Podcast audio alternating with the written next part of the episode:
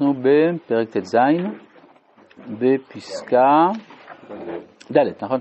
כן. התשובה היא מחוברת עם הגבורה האישית.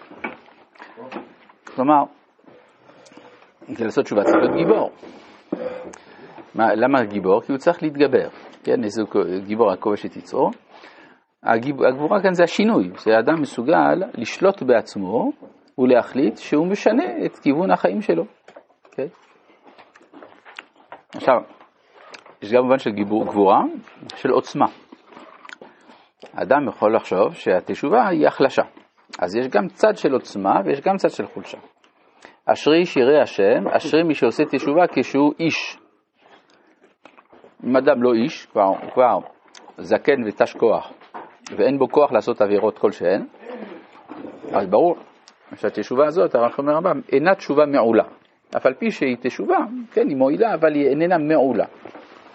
והדבר למד מעניינו, אשרי מי שהוא איש כשהוא עושה תשובה.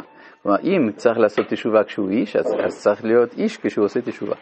זאת אומרת שהוא צריך להיות בכל מלוא עוצמת כוחות החיים שלו, ולא בהחלשה של כוחות החיים שלו. כן, זה אני. תהליך זה קודם כל אה, תשובה ואחר כך גבורה. ואחרי זה מה? גבורה. בעצם הוא לא. אז זהו, הרב אה, רוצה לחדש אה, נתיבים חדשים של תשובה, כן, לא רגילים, שבהם האדם הוא גיבור. גיבור ללא תשות כוח, זה, זה כמעט ולא קורה, כי הרי אדם יש לו עבירה, אז יש לו איזשהו צער, איזושהי, איזושהי התכנסות פנימית, אבל תלוי במדרגת התשובה. יש מדרגות של תשובה של מי שגיבור, מי שחזק.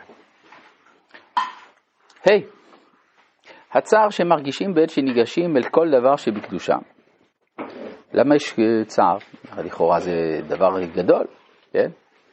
הרי הוא בא מתוך שאז הנשמה היא מהירה יותר ומתגלה בה התוכן של השלמות המוחלטה, והיא רואה מתוך כך את האפסיות שבהגבלתה וצמצומה, והיא מתמרמרת על כל מה שגורם לה ייצור, כוח וחירות.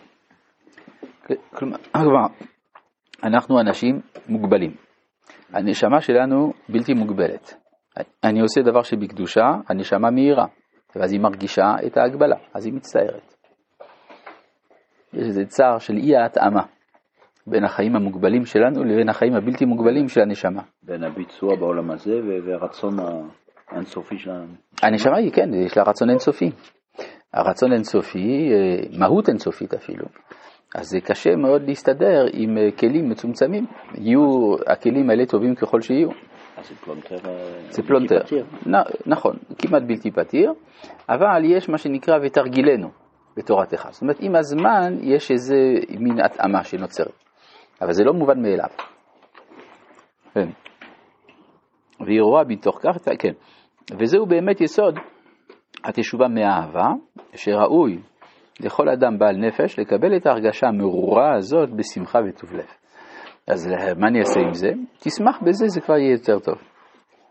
ואז עומק הצער הזה מתהפך הוא לתוכן של, של עונג עליון, ששיפת הדנים של קודש מתגלים בו. כלומר, מרירות הקודש, יש צד של מרירות בקודש, זה עצמו דבר שצריך לשמח אותי, כי זה אינדיקציה שאני נפגש עם הקודש. ממילא זה לא הכל או לא כלום. מה זאת אומרת? אדם יכול להגיד, מכיוון שמוגבל, אז עדיף לא להיכנס. לא, ברור שלא, אבל השאלה היא, מה עם המרירות? כן. יש למשל בליל הסדר אוכלים מצה ומרור. מצה גאולה, מרור עבדות. אבל הרב קוק אומר בעולת ראייה הפוך, מצה זה העבדות, כן? זה לחם שדוחקים אותו, מרירות זה הגאולה. כי יש קצת של מרירות בזה שאדם עובר ממצב למצב. זה כמו אדם שנגיד אה, הוא חלוש, ואז הוא עושה התעמלות כדי להיות בריא. התגובה הראשונה זה שיותר קשה לו, כן? אז זה המרירות, אבל זה סימן שהוא מתחיל להבריא. ו' התשובה אינה באה למרר את החיים כי אם לנעימם. אה, סליחה. נכון, ה' אחד, כבר הנשמה המהירה, זה שהולכים מהר מדי. הנשמה המהירה, כל פגמיה גלויים לפניה, על כן היא שרויה תמיד בתשובה.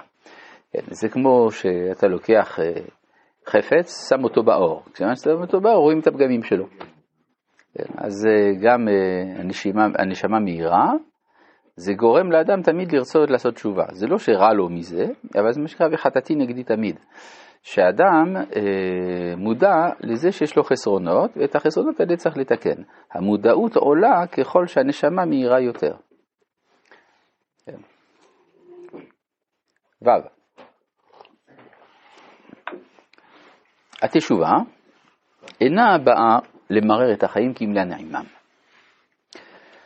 כלומר, סופו של דבר, כן, ברור, דיברנו כמה פעמים על מרירות התשובה, אז מה אומר שזה לא בא למרר? כן, זה לא התכלית, זה הכוונה. המטרה איננה המרירות, אף על פי שצריך לעבור דרך שלבים של מרירות הנפש. התשובה אינה באה למרר את החיים כמלה נעימם, ונעימות החיים הבאה על ידי התשובה היא מתגלה מתוך אותם גלי המרורות שהנפש מסתבכת בהם בתחילת מצעדיה במהלך החיים של התשובה. כן, כלומר זה, הוא אומר את זה במפורש. יש מרירות, רק איננה השלב האחרון, גם לא המטרה. כן, כי יכול להיות שאדם יאמר, כיוון שעברתי מרירות בתחילת התשובה, אולי זה אומר שזה המהות של החוויה של בעל התשובה, אז הוא אומר, לא, זה לא המהות. זה משהו שצריך לעבור דרכו, אבל זה לא המהות. אבל זאת היא הגבורה העליונה היוצרת, שתדע ותבין כי נועם היא מחשפת מכל מרירות, חיים מכל חבלי מוות, פה הוא מרחיב, כן, לא רק התשובה אלא גם חבלי המוות. עדני עולם, יש במדרשים שכאשר אדם מת, אז אה, יש, מגיע מלאך המוות עם סכין. לא עם חרמש כמו בציורים הנוצריים, שיש לו חרמש גדול, יש לו סכין. ובקצה הסכין יש טיפה של מרה. והאדם כל כך נבהל מזה שהוא פותח את הפה. ואז טיפת המרה נכנסת לפיו והוא מת. יש מדרשים שאומרים ככה, רב סעדיה גאון מביא את זה וכו'. אז מה, מה, מה זה בא לציין, המדרש הזה? הרי לא כל המתים מתים עם הפה פתוח, כן? אה, אלא הכוונה שיש מרירות. מה המרירות? המעבר מעולם הזה לעולם אחר. אני רגיל לעולם הזה, עובר לעולם אחר, זה קשה, יש מרירות. אז זה גם, זה דומה למרירות של התשובה. אז מה שאומרים, מחשפת מכל מרירות, חיים, אה, אה, מכל, נועם היא מחשפת מכל מרירות, חיים מכל חבלי מוות. עדני עולם מכל מדווה ומכאובים. כן, זה קצת מוזר, זה קצת, צריך ליזום, ליזום מרירות? לא, לא צריך ליזום, אבל כשזה מגיע לפחות לנצל את זה. והידיעה הנצחית הזאת הולכת היא ומתבררת בשכל, ברגש, בטבע הגוף ובטבע הנפש. אז טבע הגוף, שגם הכאב של הגוף כבר לא כל כך כואב. והאדם מתחדש לבריאה חדשה ויוצק בעוז רוח, רוח חיים חדש על כל סביבותיו, ומבשר לכל דורו ולדורות עולם שמחות ישרים, גילת ורדת וביטחון גאולה. טוב, זה העיקרון, שכשאדם מגלה נתיב חדש בנפש, אז הנתיב הזה משמש אחר כך את כולם. אחרים יכולים ללמוד מזה, ויכולים ל- ל- ללכת באותם הנתיבים שהוא חידש. וביטחון גאולה, צלה ורינה, ויאספו ענבים בשם שמחה. מה זה ויאספו? הם מגלים נתיב חדש, הם מוסיפים דבר שעד עכשיו לא היה ידוע. ויאספו ענבים בשם שמחה. הרי הענב אה, הוא במצב של הקטנה לכאורה, יש פה איזה מרירות בענבה, אז הוא אומר לא, זה הופך ליסוד שמחה. ואביוני אדם בקדוש ישראל יגילו. זה תיאורים של אה, מרירות שמתהפכת לשמחה. רואים להבדיל בכל מיני זרעים חדשים של של, של שירה או של זה, כן. שזה פותר נתיב לדור לבטא את הרגשות בצורה מחודשת. זה נכון. יש, אה. יש ביטוי של רבי ידעיה הפניני. רבי הפניני נקרא גם בדרשי. למה בדרשי? הוא היה מהעיר בדרש. לא, בזיה. בזי, כן. בזיה. אז אה, הוא, רבי ידעיה הפניני, או הבדרשי, אומר, במרר לב המשורר ימתק שירו.